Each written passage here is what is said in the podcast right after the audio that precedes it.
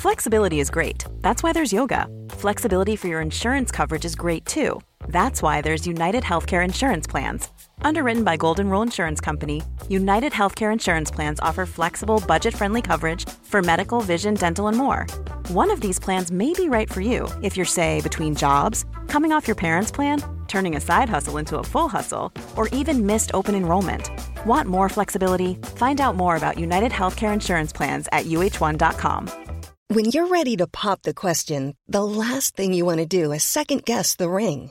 At Bluenile.com, you can design a one of a kind ring with the ease and convenience of shopping online. Choose your diamond and setting. When you find the one, you'll get it delivered right to your door. Go to Bluenile.com and use promo code LISTEN to get $50 off your purchase of $500 or more. That's code LISTEN at Bluenile.com for $50 off your purchase.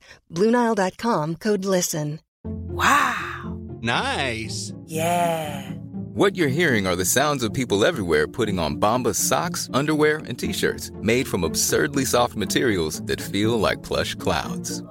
Yeah, that plush. And the best part? For every item you purchase, Bombas donates another to someone facing homelessness. Bombas. Big comfort for everyone. Go to bombas.com slash ACAST and use code ACAST for 20% off your first purchase. That's bombas.com slash ACAST. Code ACAST.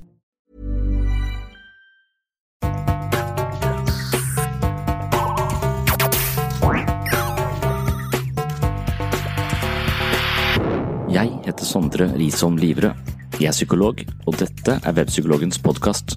Hverdagspsykologi for fagfolk og folk flest.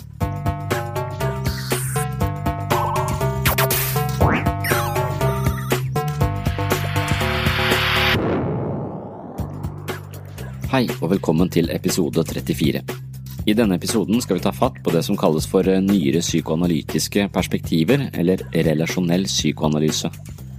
Her finnes det mange teoretikere, men fellestrekket er at alle fokuserer på at mennesket er motivert av relasjoner, og teoriene baserer seg på tanken om at personligheten blir dannet og utformet gjennom kontakten med andre.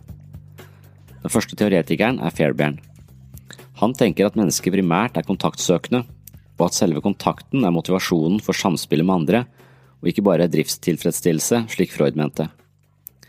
Fairbairn tenker at barn i kontakt med andre kan oppleve kontakten som lystbetont eller vondt og destruktivt. Lystbetont kontakt gjør at barn blir nærværende og oppmerksom i samspillet.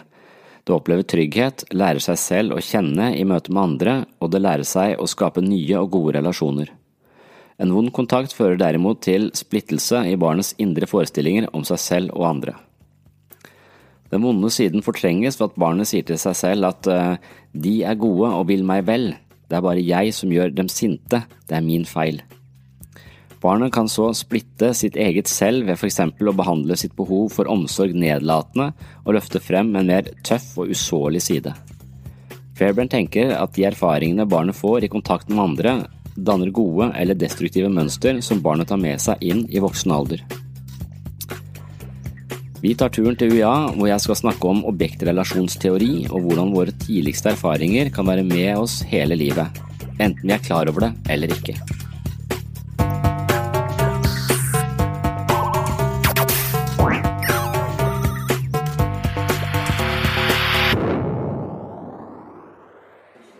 Da skal vi snakke om objektrelasjonsteori, og vi skal snakke om Fairbairn. Objektrelasjonsteori det er da en, en, teori som beveger seg altså ned mot det intersubjektive og forteller oss at eh, det er i møte med andre mennesker at vi eh, formes. Og, og er eh, i denne eh, relasjonen, altså relasjonen mellom meg og den andre, at jeg blir den jeg er. Eh, og da er det snakk om en fysisk relasjon, altså i, i samvær med den andre. Men det er også snakk om en psykisk se, forestilling om meg selv i forhold til uh, den andre.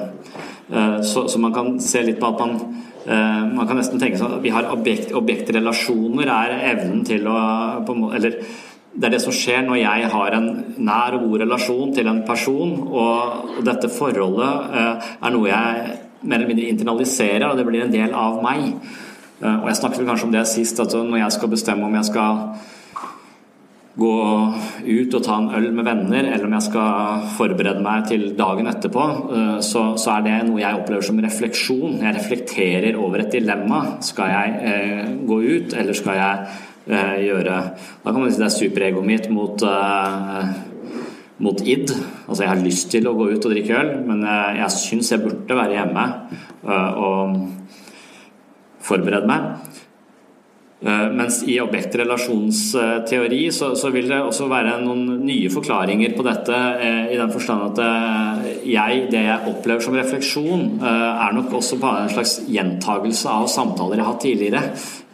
På sett og vis at jeg har hatt samtaler med bestemoren min som har sagt 'gå på fest, livet er for kort, slutt å gjøre lekser'. Hun sa det ikke fullt så, men det var nesten sånn hun tenkte eh, om livet. Du må kose deg, det er nå du lever. Eh, mens faren min sa ja, du må tenke på framtiden, du må tenke på utdannelse, du må tenke på eh, boligpriser og renter og verdensfreden. Så, eh, så, så da, da, har jeg eh, to dialoger i meg selv som handler om uh, hva jeg burde gjøre i forskjellige uh, situasjoner. Og så drar jeg på en måte veksel på de, men jeg hører jo ikke at det er den samtalen jeg gjentar, men det er en variant av den samtalen jeg har hatt med viktige personer i mitt liv. Så objektet, relasjonene mine, altså et objekt, en annet menneske, eller kan også være en ting. altså den, den, relasjonen jeg har til dette, har blitt en del av meg, og det oppleves i dag som del av min refleksjon eller min måte å være på, og det også påvirker avgjørelsene mine for hvorvidt jeg blir hjemme eller, eller går uh, på, på, fest. Så det er de fysiske relasjonene vi har, men de blir også en del av vårt indre psykologiske, eh, psykologiske liv.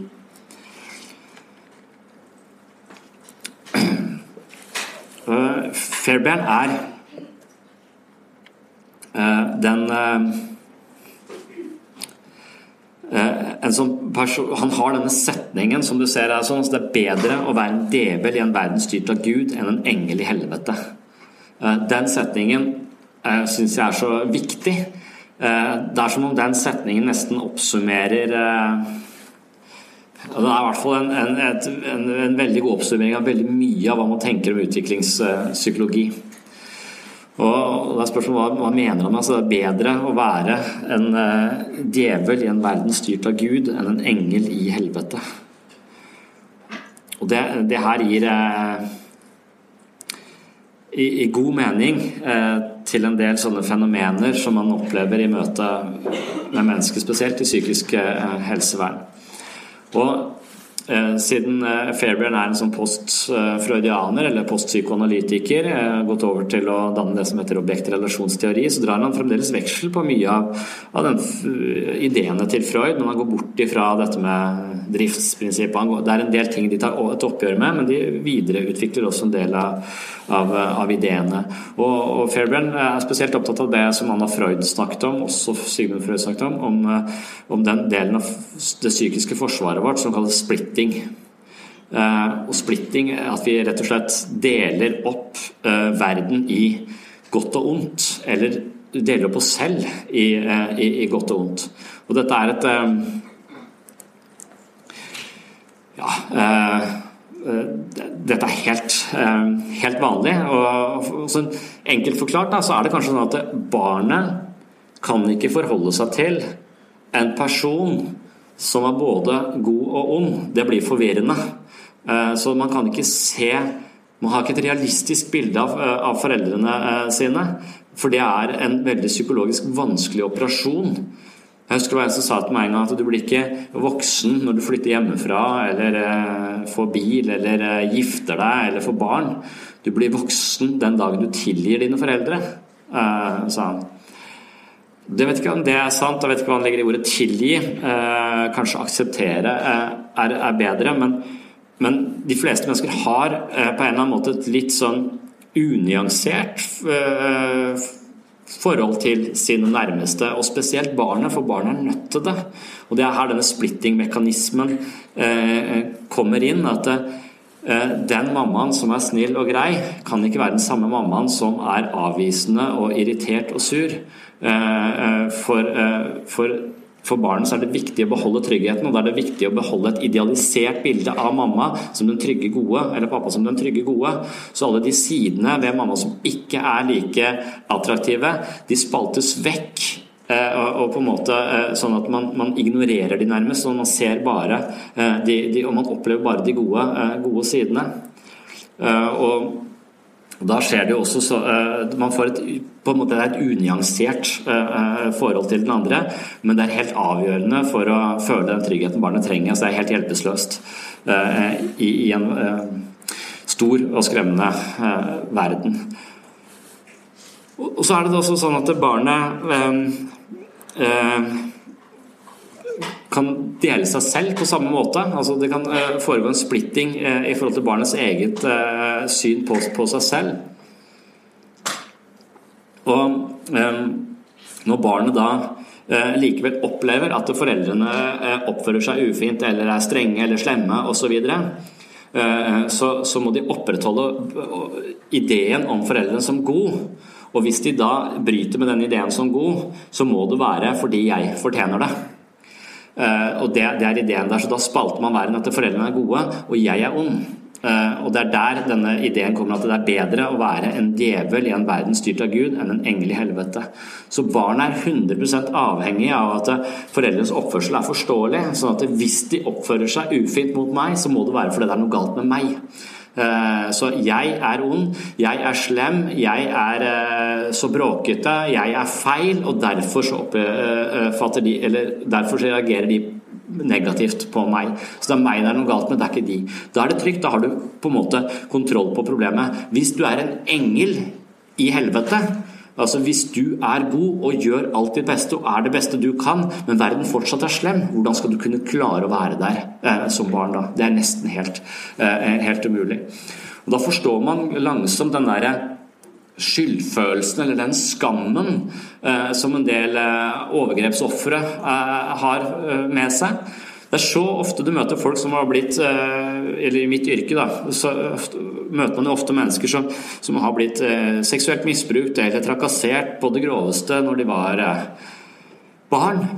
6, 7, 8, 9 de, de, var barn, og de har blitt utsatt for, for overgrep.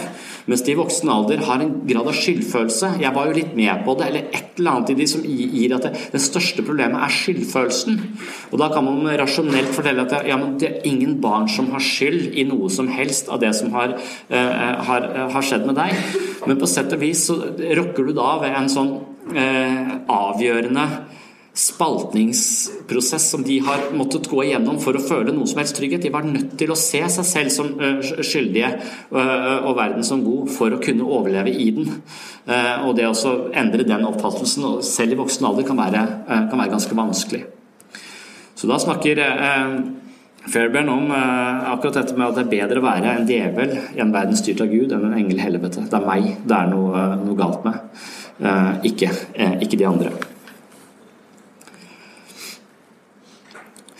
Det er jeg som er ond, de er gode og vil meg vel. Det er min skyld at de ikke vil være sammen med meg. Det er barnets konklusjon, og det er en konklusjon jeg er nødt til å dra for å overleve. Så da kan man oppføre seg ufint mot barn, og det man eh, får eh, Igjen er ikke at barnet tenker at han var en drittsekk, det er at jeg er dårlig, han gjør det som sannsynligvis er riktig mot, eh, mot meg. Så det å eh, kjefte og smelle og være ufin mot barn, det kan på en måte gi dem en, en installere en type selvforståelse som de tar med seg gjennom hele livet, i kraft av en skam, en usikkerhet, en manglende tro på seg selv og sin egen eh, eh verdi, som kan bli toneangivende for hele livet deres. Igjen, Psykologien er ekstremt opptatt av hvordan vi oppfører oss mot barn, og hva som skjer med oss i de første eh, leveåra, også helt opp til ungdoms, uh, ungdomstid. Mobbing osv. Det kan påvirke mennesker på en sånn gjennomgripende måte at operativsystemet, måten de forstår seg selv på, vil komme til uh, å, å, være såpass skakkjørt at den tolker alle nye opplevelser inn i et sånn type lavt selvbilde eller en sånn følelse skam uh, som de har med seg. Og det er det objektrelasjonsteorien kan si noe. Det er det denne mer relasjonelle formen for eh, psykodynamisk tenkning sier noe om. Det er, dette, det er disse aspektene ved hva som skjer mellom mennesker, som kommer inn eh, etter, eh, etter Freud, og med Fairbairn og Winnicott og Kohut og alle de vi skal gjennom, gjennom i dag. Det er et eksempel, eksempel på dette med Både et eksempel med, med splitting, men også disse akkurat denne typen mekanismer da, eh, for hvordan, eh, hvordan, selvforståelsen vår blir toneangivende for, eh, eller det vi opplever i barndommen, blir toneangivende for hvordan vi tenker om oss selv senere i livet. Og, og, da pleier jeg å snakke om en mann som aldri, mann som aldri ble sint. Og det er rett og slett en fortelling om Albert Aaberg. Jeg vet ikke hva jeg sa, sa jeg det sist, kanskje? Jeg husker ikke alltid hva jeg sier. Men Albert Aaberg ble jo rusmisbruker, visste du det? Det er det Tore Renberg som har uh, skrevet om. Det er han er kompisen til Knausgård. Så ideen er i hvert fall at, at faren til Albert Aaberg Jeg vet ikke, jeg syns jo han er litt kul. Han, faren til Albert Aaberg er jo en alenepappa som røyker. og det var jo ikke så vanlig når, på den, på den tida. Albert Aaberg er ganske gammelt, husker jeg fra jeg var liten. Så men, eh, men, vi har dette bildet av Albert Aaberg som, eh, som vil ha pappas oppmerksomhet, men pappa sitter bare og nikker og røyker pipe bak avisa. Eh, og det er, den, det er, det bildet der som, som, man, som, er utgangspunktet for mannen som aldri ble sint.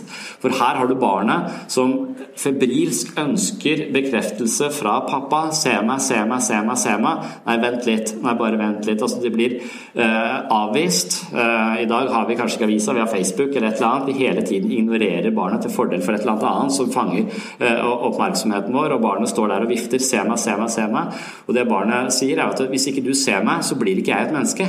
Du er nødt til å bekrefte hvem jeg er, for hvis ikke så henger jeg bare her og blir et ubekrefta selv, og da blir jeg usynlig. Da blir jeg det usynlige barnet i Mummitrollet. Jeg forsvinner hvis ikke du, uh, du ser meg. Uh, og Det er kanskje noe av det verste. altså Det å slå barn og, strenge osv. Da veit de litt hvem de er. Hvis du overser dem fullstendig, så blir de luft. De kan føle seg som luft. Så De har ikke noe kjerne, nærmest. Er, eh, da, da, mangler du virkelig fotfeste, kan man si. Så det, det ikke-bekreftede selve er, er, kanskje noe av det skadeligste uh, man ser for seg i i psykologien. Litt, annen, litt på siden. Men denne, eh, denne eh, Si Albert, da, denne eh, unge Det kan være hvem som helst. Av og til kaller jeg han for Petter. Petter ønsket pappas oppmerksomhet, men pappa var opptatt. Pappa jobba i Nordsjøen også, så pappa var borte i 14 dager. Når han kom hjem, så var han så sliten og hadde ikke tid. Så denne, jeg, Han ønsket febrilsk pappa sin oppmerksomhet, men ble avvist hele tiden. Da reagerer Petter med å bli forbanna. Og små barn har ikke på en måte sånn Eh, de har ikke det språket eller den forståelsen for følelseslivet som man har i en, eh, i en, som voksen.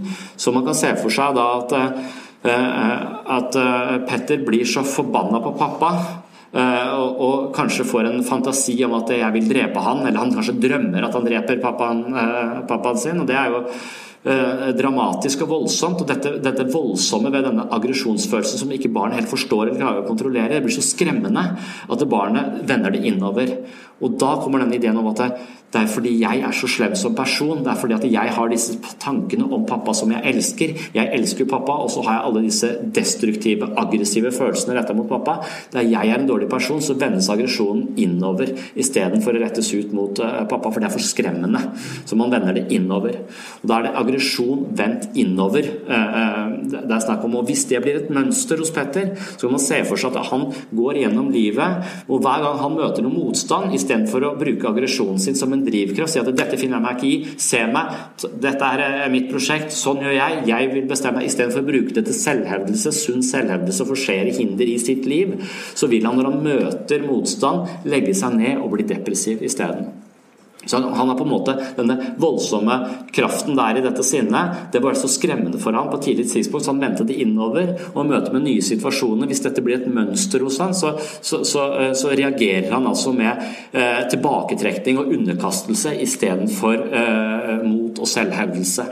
Så han tolker eh, sitt indre liv depressivt på en måte. Istedenfor å bruke og være i kontakt med den eh, kraften vi trenger for å føre livet oss videre, så opplever han det som Han blir lei seg og og, og, usikker og legger seg ned og, og, tenker at det er jeg som ikke er god nok, jeg får det ikke til likevel. Liksom. Så det var mange sånne selvdestruktive ideer som, som stammer fra eh, disse tidlige uh, relasjonene. og og hvis du virkelig er redd for ditt eget sinne, hvis du virkelig har blitt det som Freud ville kalle kastrert Kastraksjonsangsten er dette å bli satt så på plass at du ikke har Det er ikke rom til å være deg. Eh, du har ikke lov til å hevde deg, du har ikke lov til å si din mening. Eh, hvis det blir eh, toneangivende, så vil du vende aggresjonen innover. Og dette er også en forståelse av selvmordet. Når man da møter mye motstand, istedenfor å bruke, bare på en måte bruke kraften sin til å komme seg videre i livet, så vender man det innover. Og det mest aggressive, istedenfor å aldri si fra det finner jeg meg ikke i, det finner jeg meg ikke i osv. Hvis du bare vender det innover over lang, lang tid, så vil det blåses opp masse aggresjon vendt innover. Og det mest aggressive du kan gjøre mot deg selv, er å ta ditt eget liv. Så man kan tenke at det ligger en slags eh, veien til selvmordet i denne typen undertrykkelse og, og feiltolkning av eh, aggressive eh, impulser. Fordi frykten for disse aggressive impulsene så, ble så voldsom når det plutselig var vendt mot pappa, som jeg elsker, på et tidlig, eh, på et tidlig tidspunkt.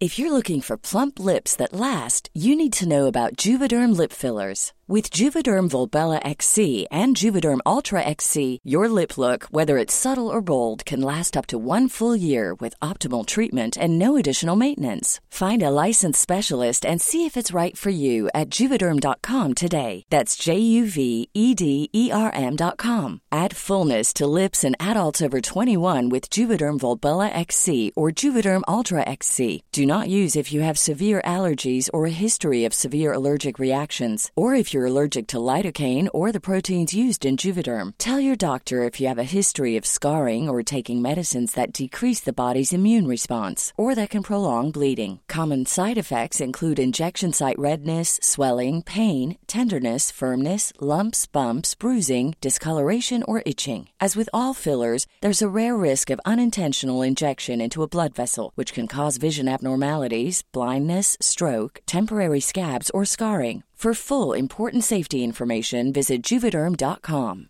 I'm Sandra, and I'm just the professional your small business was looking for. But you didn't hire me because you didn't use LinkedIn jobs. LinkedIn has professionals you can't find anywhere else, including those who aren't actively looking for a new job but might be open to the perfect role, like me. In a given month, over 70% of LinkedIn users don't visit other leading job sites. So if you're not looking on LinkedIn, you'll miss out on great candidates like Sandra. Start hiring professionals like a professional. Post your free job on linkedin.com/people slash people today.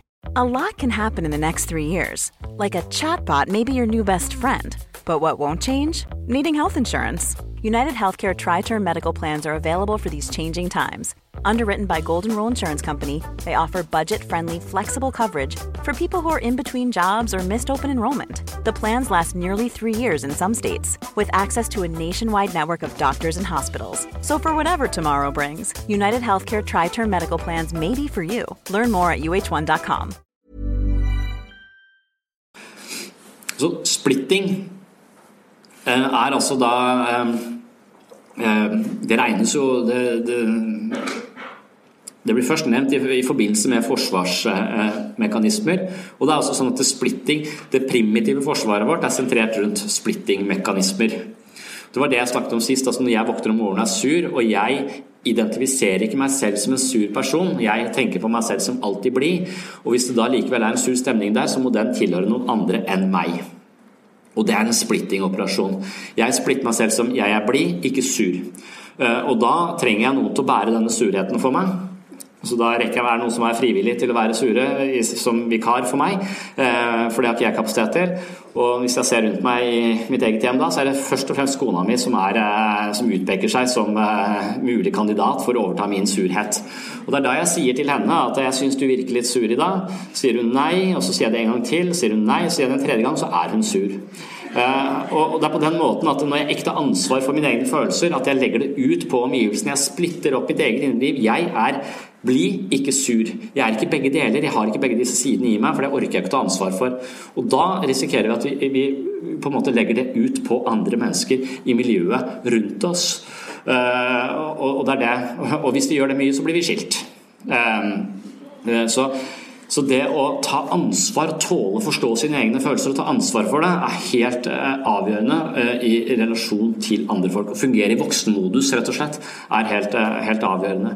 Jo mer vi fungerer i ulike varianter av barnemodus, jo mer av disse splitting-mekanismene vi har, jo mer uklare blir relasjonene vi har til andre, til andre mennesker. Og man ser det Det også hvor, hvor, Hvorfor eh, noen barn vil gå gjennom eh, livet og opprettholde sort-hvitt-tenkningen Fordi at det å uh, se nyanser, det krever masse trygghet og soliditet i omsorgsmiljøet. Og det er det alle disse teoriene uh, i dag forteller oss, at barnet trenger trygghet, forståelse og omsorg for å utvikle nyansene og utvikle seg på en måte sunt. Og, da sier oss teorien at hver gang vi ikke får muligheten til det, hver gang barnet føler mer eller mindre utrygghet osv., så, videre, så vil ikke denne utviklingsprosessen gå like smertefritt. Den vil aldri gå smertefritt, men den man vil kunne komme seg gjennom konfliktene på en måte. Men man kan også komme seg gjennom uh, konflikten eller ha så mye utrygghet, utrygghet, gjennom oppveksten at man aldri på en måte får overskudd nok til å begynne å se nyansene uh, i, i, verden. Så Da blir man på en måte værende i denne sort-hvitt-tenkningen. De er det gode, de er det onde. Uten å se nyansene i, uh, i konflikten. Og Det kan man tenke, det er mediebildet også på en måte preget av. Da. At vi mennesker er, har litt lett for å tenke i sort-hvitt-kategori. De er de gode, de er de onde. Og Hvis det blir for nyansert her, så faller vi av. Eh, og det er det politikere, en veldig god politiker ser mange nyanser og bruker veldig lang tid når han snakker da. For han skal se mange perspektiver på en gang. Og Det er ikke alltid de får så mye plass i media, for det tar så lang tid. Eh, da er det bedre med de som sier at eh, kast alle ut av landet. Uh, type ting. Sort-hvitt, de er de onde, de er de gode. Altså De som, som har mer sånn polariserte beskjeder, får ofte mer uh, plass. Og det appellerer også til oss når vi føler oss pressa. Når vi er i barnemodus, så appellerer den typen retorikk til oss. Da kan man se for seg hva skjer i USA. Hvor pressa er de egentlig? Når de får det mest uh, unyanserte presidenten ever til å, til, å styre, til å styre alt. Så det å se nyansene i ting, det å se at mennesker er både gode og onde eh, Det å føre dette sammen til en helhetlig forståelse av den andre, det er en avansert mental operasjon som krever mye overskudd. Og Hvis vi ikke har det overskuddet, så vil vi opprettholde eh, dikotomiene isteden. Eh, og da får man problemer i relasjon til andre mennesker. Man får sånne kjæresteforhold som fungerer som en italiensk opera. Eh, elsker deg, hater deg, elsker deg, hater deg, elsker deg, hater deg. Jeg er sammen, ikke sammen. Så statusoppdateringen på Facebook kan bære preg av, av, dette. I forhold, ikke i forhold, i forhold, ikke i forhold. Så det, enten så er du 'jeg elsker deg', og du er helt fantastisk. Så gjør du noe feil, så endrer bildet seg helt, så blir det helt svart. Uh, og, og, da er parforholdet vil være sånn dramatisk Nei, da gjør vi det slutt. Uh, det, det er Sånn hadde jeg det også gjennom lenge ungdomstida. Det var liksom Nei, da gjør vi det slutt. Eh, sånn sort-hvitt-tenkning om ting. Ingen, ingen, nyanser. Veldig sånn ja, voldsomt mye dramatikk. Jeg husker tilbake på det som, som, vitalt og spennende, men også veldig anstrengende og forbundet med ganske mye angst da, og uro.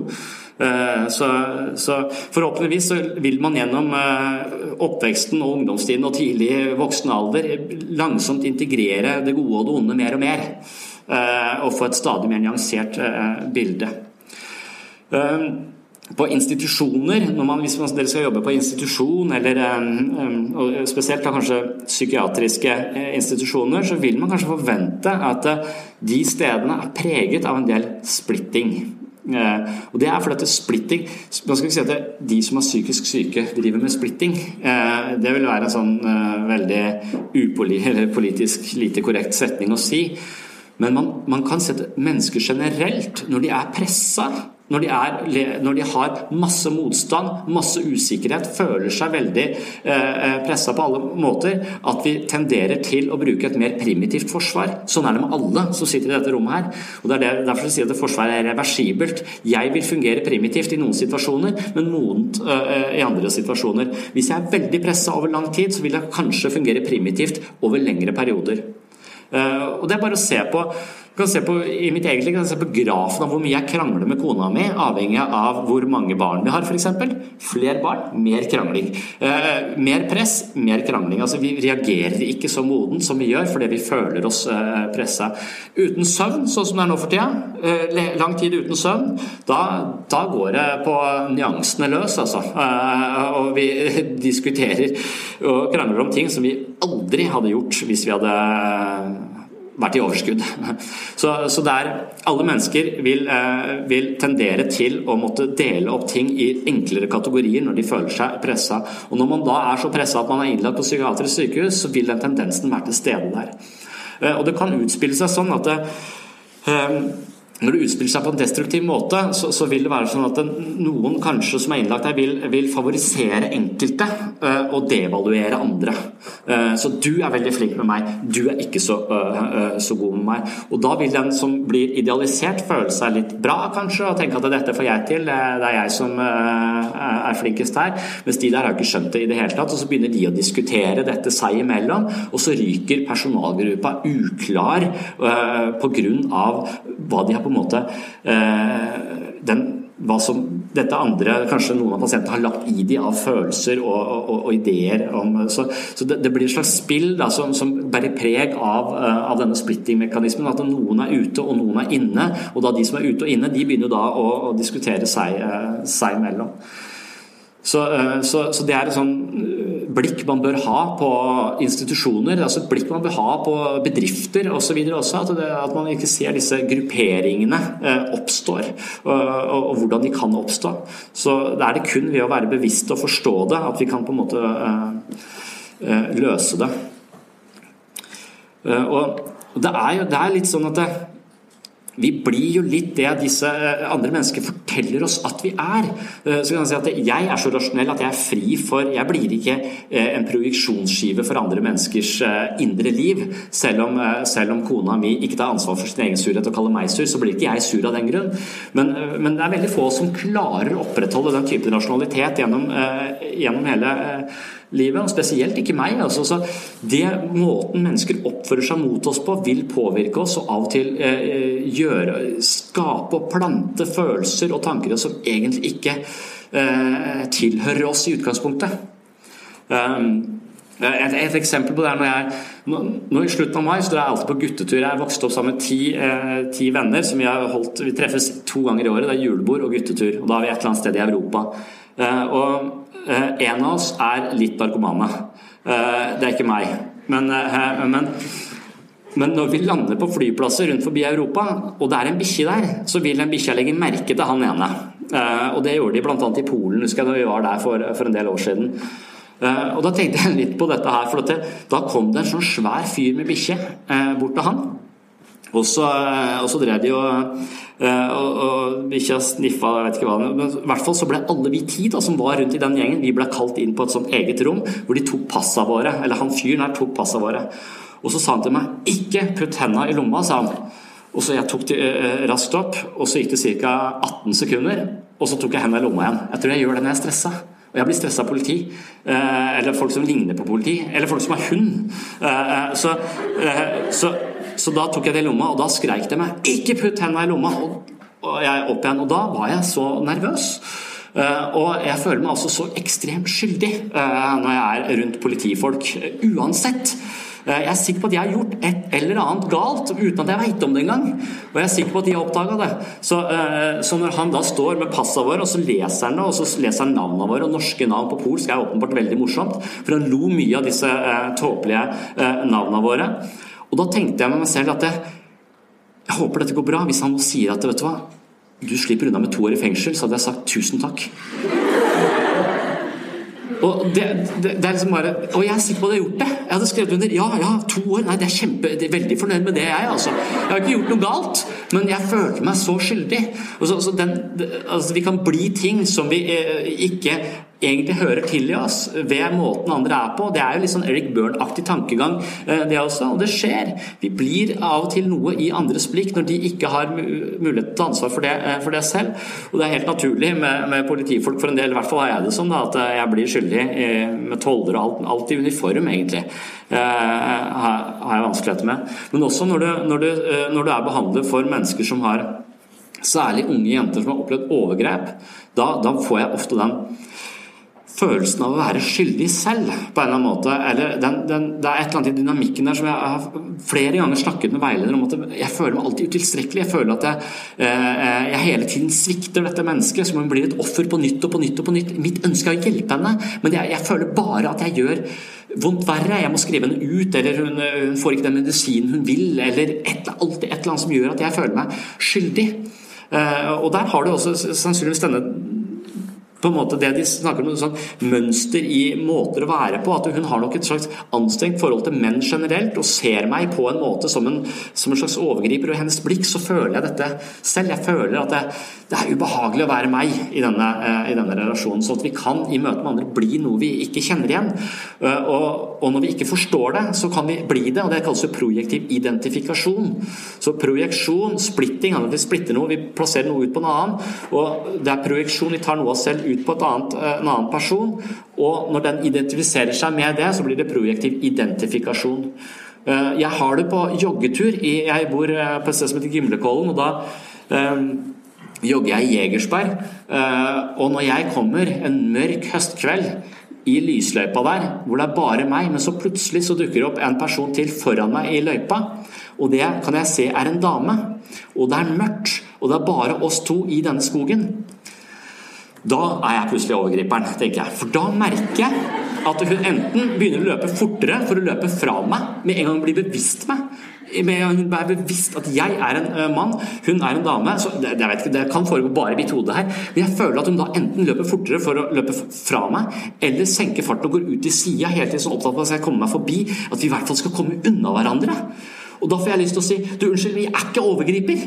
Uh, det er jo helt fjernt å si i en sånn, uh, sånn, situasjon. Men jeg får en følelse av at dette er ikke et greit møte, på en måte. Uh, du er redd for meg. Og når du er redd for meg, så blir jeg et eller annet jeg ikke veit hva er. Jeg er ikke noe å, å være redd for. Uh, I hvert fall ikke så ofte. Så, så, det Følelser smeller mellom, mellom, mennesker. Det er kanskje litt, vi er litt ute på, på forskjellige ulike varianter av å forstå dette med splitting. Fairbell snakker om splitting og, og, og, og hvordan, hvordan, egentlig barnet klarer, og hvordan vi, hvordan vi, påvirkes av andres følelser, de følelsene andre ikke tar ansvar for, hvordan de kan komme over i oss, og hvordan dette handler om splitting, at det er sider ved oss selv som vi ikke orker å ta ansvar for eller se på, eller frykt ikke, som vi projiserer ut på verden, eh, verden, rundt oss. Så Det siste eksempelet er jo eh, dette med et monster under senga. Uh, og, da, Sånn tenker jeg litt om Nå har jo jeg flere barn, som jeg har sagt. altså og vi har perioder, Det er perioder i utviklingen her med monster uh, under senga, og det er mer eller mindre monster. Og, og, da er igjen dette, uh, denne ideen om splitting kan på en måte gi en slags forklaring på dette. Hun jenta på bildet der hun holder bamsen tett inne mot, mot, brystet. Og, og, ideen er vel sånn at hennes psykiske liv altså er, er, på den måten at det, alt det som er trygt ved mamma og pappa, det plasserer jeg i bamsen når ikke de er til stede. Eh, eh, og dette handler også noe om det som kalles objektkonstans. Et, eh, og det, når vi snakker om Piaget, så vil han, Piaget vil, vil ha forsket mye på når har barnet objektpermanens, kaller han det. Altså når vil barnet klare å holde en idé i hodet sitt i fravær av en annen person. Hvordan, Når vil min sønn kunne gå i barnehagen og forstå det jeg sier til ham? Men selv om du er lei deg nå, og jeg skal gå på jobben og du skal være her, så kan du ha, du ha Jeg har deg i hjertet mitt, og du kan ha meg i, i, ditt hjerte. Så hvis du blir lei deg, så kan vi tenke på hverandre, og så kan det hjelpe, for vi har hverandre i hjertet. Det er en måte å prøve å Sånn så, snakker jeg med han ofte. For, for det, og, og det sier han alltid, det kan hjelpe han, men han har også en kos. Eh, og den kosen man har når han blir, eh, blir lei seg, når jeg skal bort, eh, så må han ta kosen isteden. Da blir det et overgangsobjekt, kaller man det. det, det liksom, han har installert det som er trygt ved hans liv i dette i denne kosen, og han holder den tett på seg for å trøste eh, seg selv i fraværet av foreldre som kan trøste han. Eh, så er det noen barnehagefolk som kan, hjelpe han, så det hjelper det også, men det er altså at barnet internaliserer Det er også et objekt, dette overgangsobjektet kalles det. Denne, her er alt det trygge ved mamma og pappa. Men alt det ved mamma og pappa som ikke er så trygt, når de krangler, når de ikke ser meg osv., alt det som ikke er godt med mamma og pappa, det er jo spaltet i vekk det er jo på en måte delt i to, og det har man da putta i skapet. Når man legger seg. Så alt det som er kjipt med foreldrene, det er eh, plassert lengst unna, gjerne under senga eller i skapet. Eh, som et eh, monster.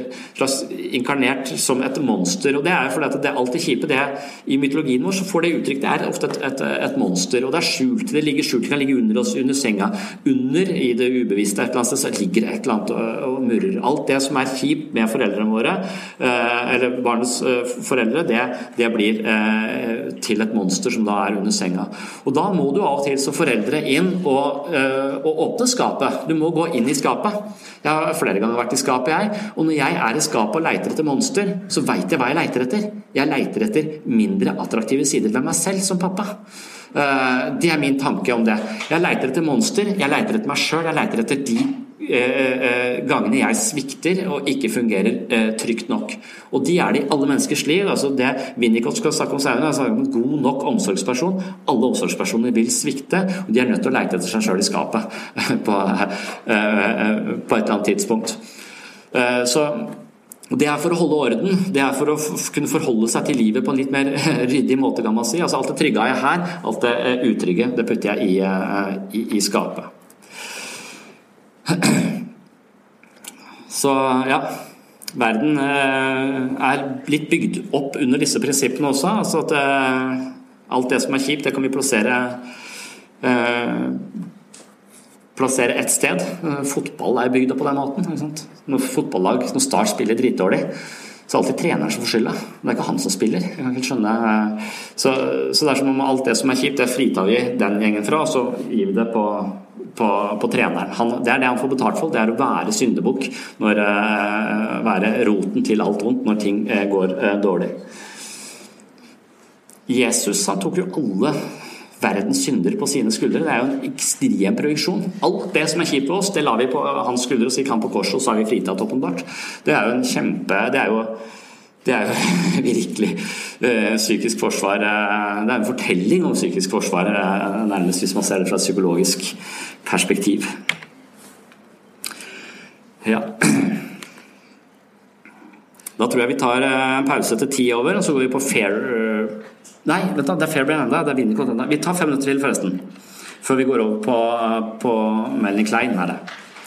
Ja, eh, Fairbairn snakker altså om mønster i kjærlighetsbånd. og Det er det jeg har vært eh, så vidt inne på. Altså, vi gjentar tidligere relasjoner i nye relasjoner. Det er også en sånn, eh, en sånn ting som er viktig å, å, å, ha med seg fra Fairbairn. Det tar fem minutter til, for da er klokka hel.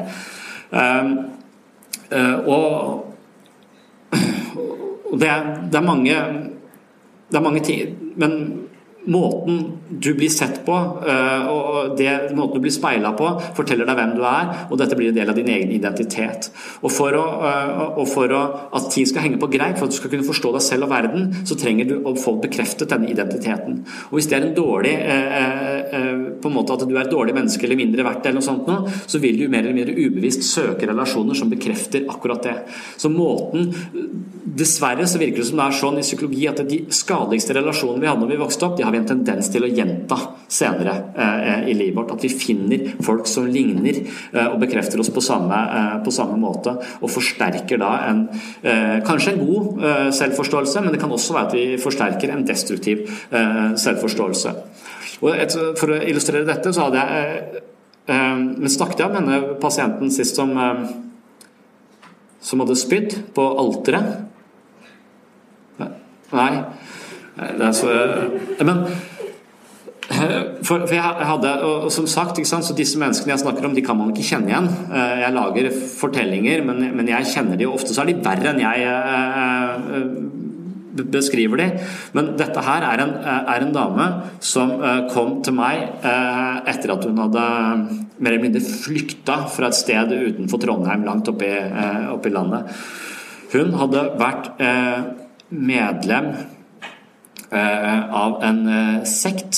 Jeg skal ikke si hva den sekta het, men, men det var en, eh, en, ganske sånn rigid og pietistisk menighet med masse merkelige ideer. Og, hun var en, en ung kvinne eh, som hadde slitt med noe rusmisbruk eh, og, og, hatt det veldig veldig vanskelig store deler av livet sitt. Hun ble på en måte tatt opp i denne eh, sekta og, og hjulpet til å slutte å ruse seg. Så det var en god ting. Hun slutta å ruse seg. Men eh, denne dama var ganske eh, flørtende. Eh, og det la man ganske raskt merke til når hun kom inn på mitt kontor. Så var det også en av de første tingene jeg lærte merke til, at hun har en sånn flørtende måte å være på. Så, og Det er det jeg pleier å prøve å legge merke til. Hva, hva, gjør dette mennesket med meg? Jeg registrerer at hun, hun er flørtende. Jeg registrerer at hun kler seg ganske utfordrende. Uh, og Det legger jeg i første omgang bare merke til. Da. Det hadde de nok lagt merke til i denne menigheten også. Uh, og I den menigheten så har de en forståelse av hva det dreier seg om. Og Det dreier seg nemlig om at hun er besatt av en demon som heter Jesabel. Uh, og den demonen, den den eh, holder til i det galle eller et eller annet. Når du spyr mange ganger, så til slutt ikke har noe mer å spy, så spyr du grønt. Der er Jesabel gjemt. Så for å bli kvitt denne forføreriske måten å være på, som selvfølgelig alle kvinner i den menigheten har merket til og følte som en utfordring og en trussel For denne dama hun ser flott ut, og hun, er på en måte en, en, en sånn veldig blid og veldig sånn Har veldig utstråling. Et flott, et, et flott menneske, men også et veldig flørtende menneske. Og i den menigheten, alle de reglene og normene som var der, så ble det veldig vanskelig både for menn og kvinner i den menigheten. Så her måtte de eh, intervenere dere, og da med djevelutdrivelse. Eh, midt på natta, eh, hvor hun sto foran hele menigheten eh, og, og, og, stakk fingeren i halsen til hun spydde grønt under noen besvergelser og, og, og noe greier. Men det hjalp visst ikke. I hvert fall så Jeg vet ikke helt åssen det gikk, men hun, hun endra ikke nødvendigvis hele personligheten sin av å spy grønt. Derfor så, derfor så trodde vi kanskje ikke at hun hadde fått opp alt, eller, eller noe sånt. Jeg vet ikke. Men det er en måte å forstå det på. Når det kommer til meg, så legger jeg merke til det samme. Men nå driver jo ikke jeg med djevelutdrivelse. Eh, for jeg, jeg, kan ikke nok om det, eh, rett og slett. Så, så, den typen intervensjoner har jeg ikke tilgjengelig. Eh, men jeg har, ville forstå det på en annen måte. Og, og jeg var litt interessert i hva, hvor kom dette, denne dama fra, og måten du er på, kan jeg tenke er litt utfordrende og, og forførende, helt klart. Og Da ser du at, at, hennes oppvekst handlet om en mor som var rusa og ikke tilgjengelig, og en far som også uh, var uh, delvis utilgjengelig, men var tilgjengelig innimellom. Og det var når uh, han lå med dattera si. Så det eneste oppmerksomheten hun fikk fra foreldrene sine, det var på kropp, og det var fra pappa. Så ideen hennes blir at det eneste som gjør meg verdifull som menneske, er kroppen min. Det er min verdi, det er det jeg har å bidra med, det er der jeg kan bli likt. Det er på måten jeg ser ut på, det er på dette, på dette ytre jeg har verdi. Og det, Hvis du får den følelsen at det er på mitt ytre jeg er verdifull, eh, så er det naturlig å fortsette å på en måte by på seg selv på den måten. For det er da du får eh, andres eh, oppmerksomhet og beundrende blikk, som vi trenger alle mennesker. Så hennes måte å te seg på handlet om hun fikk bekreftelse på det ytre og ble vel misbrukt gang på gang på gang på gang, fordi at hun følte at det på innsiden har aldri noen sett meg. Hun er på en måte tom på innsiden, hun vet ikke hvem hun er, har ingenting, hun har ikke noe verdi i seg selv. Og terapi da vil jo dreie seg om å begynne å se innover og finne, akseptere seg selv og forstå seg selv og finne at jeg er verdifull for den jeg er som menneske, ikke for hva jeg har å tilby av, uh, av kropp. Så der ser vi mønster i kjærlighet. Måten vi har blitt sett og behandla på, kan ofte utspille seg som et mønster vi tar med oss inn i voksenlivet, og det kan skape problemer uh, for oss. Det kan også fange oss i ulike settinger hvor de forstår disse problemene på ulike måter og på mer eller mindre gode, uh, gode måter det er, det er, også tydelig hos eh, eh, at mønsteret i kjærlighetsbånd Kvinnen som blir slått det er liksom, Jeg møter mest kvinner som blir slått, jeg møter ikke så mye menn som blir slått. De sier at det er sånn underrapportert, det kan godt hende, men jeg mener at det er vanligere at menn slår enn at kvinner slår. Og det har jeg hjerneforskningen med meg på. altså Vi har ti ganger mer testosteron, vi reagerer ti ganger raskere med aggresjon enn det kvinner gjør. Noe som gjør den hjernen vi har, pedagogisk helt på en måte udugelig i forhold til hvordan man skal oppføre seg eh, eh mot barn, f.eks. Man skal ikke bli sint, man skal forstå. sant? Så, skal, så, jeg tenker at alle mine naturlige tilbøyeligheter som pappa er feil. Eh, ofte. Jeg blir irritert jeg, når de ikke gjør sånn som de, eh, sånn som de skal. Eh, og, og, jeg tenker jo at den hjernen vi har som, som menn, den er jo tilpasset steinalderen, tenker jeg. Da du møtte en eller annen mammut, så da er det riktig å enten klubbe ned eller stikke av. Mens kvinnehjernen, som er på en måte eh, fysisk underlegen. Så for en kvinne så vil det ikke være naturlig verken å angripe eller stikke av eh, i disse situasjonene. Eh, fordi at de er fysisk underlegne, så når de møter trusler, så vil ikke det å angripe eller stikke av hvis de møter en annen mann f.eks., så vil han både løpe fortere og være sterkere. Så, så hjernen deres er ikke bygd opp på den måten. Så kvinnehjernen har utvikla seg med andre muligheter, altså det å samarbeide f.eks. Det å skape nettverk, det å snakke med andre og skape på en måte et fellesskap mot fienden. Så kvinnen er god på kommunikasjon, forstå andre, ha empati, klare å skape gode relasjoner. Det er kvinnens styrke, mens vi er flinke på å slå folk ned eller stikke av. Og da er spørsmålet hva trenger vi i vår verden? Eh, trenger vi det å slå folk ned og stikke av, eller trenger vi kanskje å samarbeide? Det, det er er jeg agnostisk til, eller det er jeg vel egentlig ikke. Jeg tror vel kanskje at den måten å operere på er, eh, er bedre. Jeg skal bare snakke, Kvinnen som blir slått, er da, det var lang omvei, men kvinnen som blir slått er litt vanlig i, i klinisk eh, praksis. Altså at, og hun kommer ofte i behandling når hun er i et parforhold hvor hun ikke blir slått. Eh, eller mis mishandla. Så hvis du har levd lenge i, eh, under trakassering, så har du lært å kjenne deg på den måten. Og hvis du plutselig møter en person som ikke speiler deg sånn, som ikke slår deg, så veit du ikke lenger hvem du er. Hvem er jeg nå? Eh, og hele, fundamentet for hvordan du har lært å forstå deg selv, vakler. Og du blir usikker. Og det er nesten som om de da prøver å fremprovosere slaget hos den andre. Det er nesten sånn at de av og til kan fremprovosere vold i en person som i utgangspunktet aldri ville tydd til vold. Det er ikke for å unnskylde vedkommende, men det er noen ganger når jeg da kommer i, eh, i eh, har disse i parterapi f.eks., så, så er det som om hun hele tiden er ute etter å trekke han opp så han reagerer med aggresjon mot henne. Og Hvis han ikke gjør det, så vet hun ikke hvem hun er. Og, og det å se det og forstå det, at nå er du i ferd med å gjenskape det mønsteret hvor du veit hvem du er, og dette er destruktivt for deg, det kan være en veldig viktig innsikt. Og Da er det ofte sånn også at de menneskene som stadig vekk finner mennesker som behandler de dårlig, og har det som sånn mønster når de ser på kjærestene sine opp igjennom, da vil en del psykologiske teorier være ganske konkrete. Hver gang du møter en fyr eller en dame på byen hvor det er en umiddelbar kjemi, dette er kjempebra med en gang, så skal du, si, så skal du bare lyse en sånn rød varsellampe og skal du trekke deg unna. Du skal gå etter folk som du opplever kjedelige og lite attraktive. Det er den veien du skal gå. Så der Det er veldig sjelden psykologien er veldig sånn konkret på rådgivning, men akkurat i de tilfellene så gir man ganske konkrete råd. De folka du tenner på umiddelbart, de skal beholde deg langt unna. Det, det syns folk er en eh, litt vanskelig beskjed å ta, da. Men, eh, men, men akkurat som om vi altså, skaper de relasjonene vi er kjent med for å vite hvem vi er, og da kan vi planlegge fremover. Hvis vi blir speila på andre måter, så, så, så er det vanskelig uh, å, å, å, finne Hvem er jeg nå? Yes, da uh, tar vi en pause, og så går vi på Melanie Klein om et kvarter.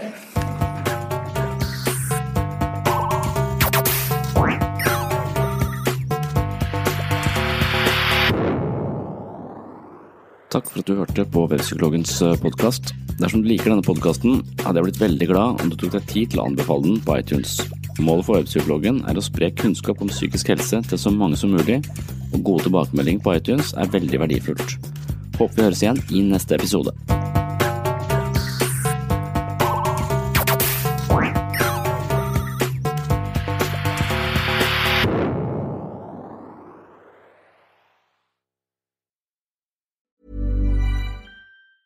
A lot can happen in three years, like a chatbot may be your new best friend. But what won't change? Needing health insurance. United Healthcare Tri Term Medical Plans, underwritten by Golden Rule Insurance Company, offer flexible, budget friendly coverage that lasts nearly three years in some states. Learn more at uh1.com. Hey, it's Danny Pellegrino from Everything Iconic.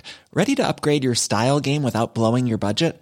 Check out Quince. They've got all the good stuff shirts and polos, activewear, and fine leather goods all at 50 to 80% less than other high-end brands. And the best part? They're all about safe, ethical, and responsible manufacturing. Get that luxury vibe without the luxury price tag. Hit up quince.com slash upgrade for free shipping and 365 day returns on your next order. That's quince.com slash upgrade. Flexibility is great. That's why there's yoga. Flexibility for your insurance coverage is great too. That's why there's United Healthcare Insurance Plans. Underwritten by Golden Rule Insurance Company, United Healthcare Insurance Plans offer flexible, budget friendly coverage for medical, vision, dental, and more. One of these plans may be right for you if you're, say, between jobs, coming off your parents' plan, turning a side hustle into a full hustle, or even missed open enrollment. Want more flexibility? Find out more about United Healthcare Insurance Plans at uh1.com.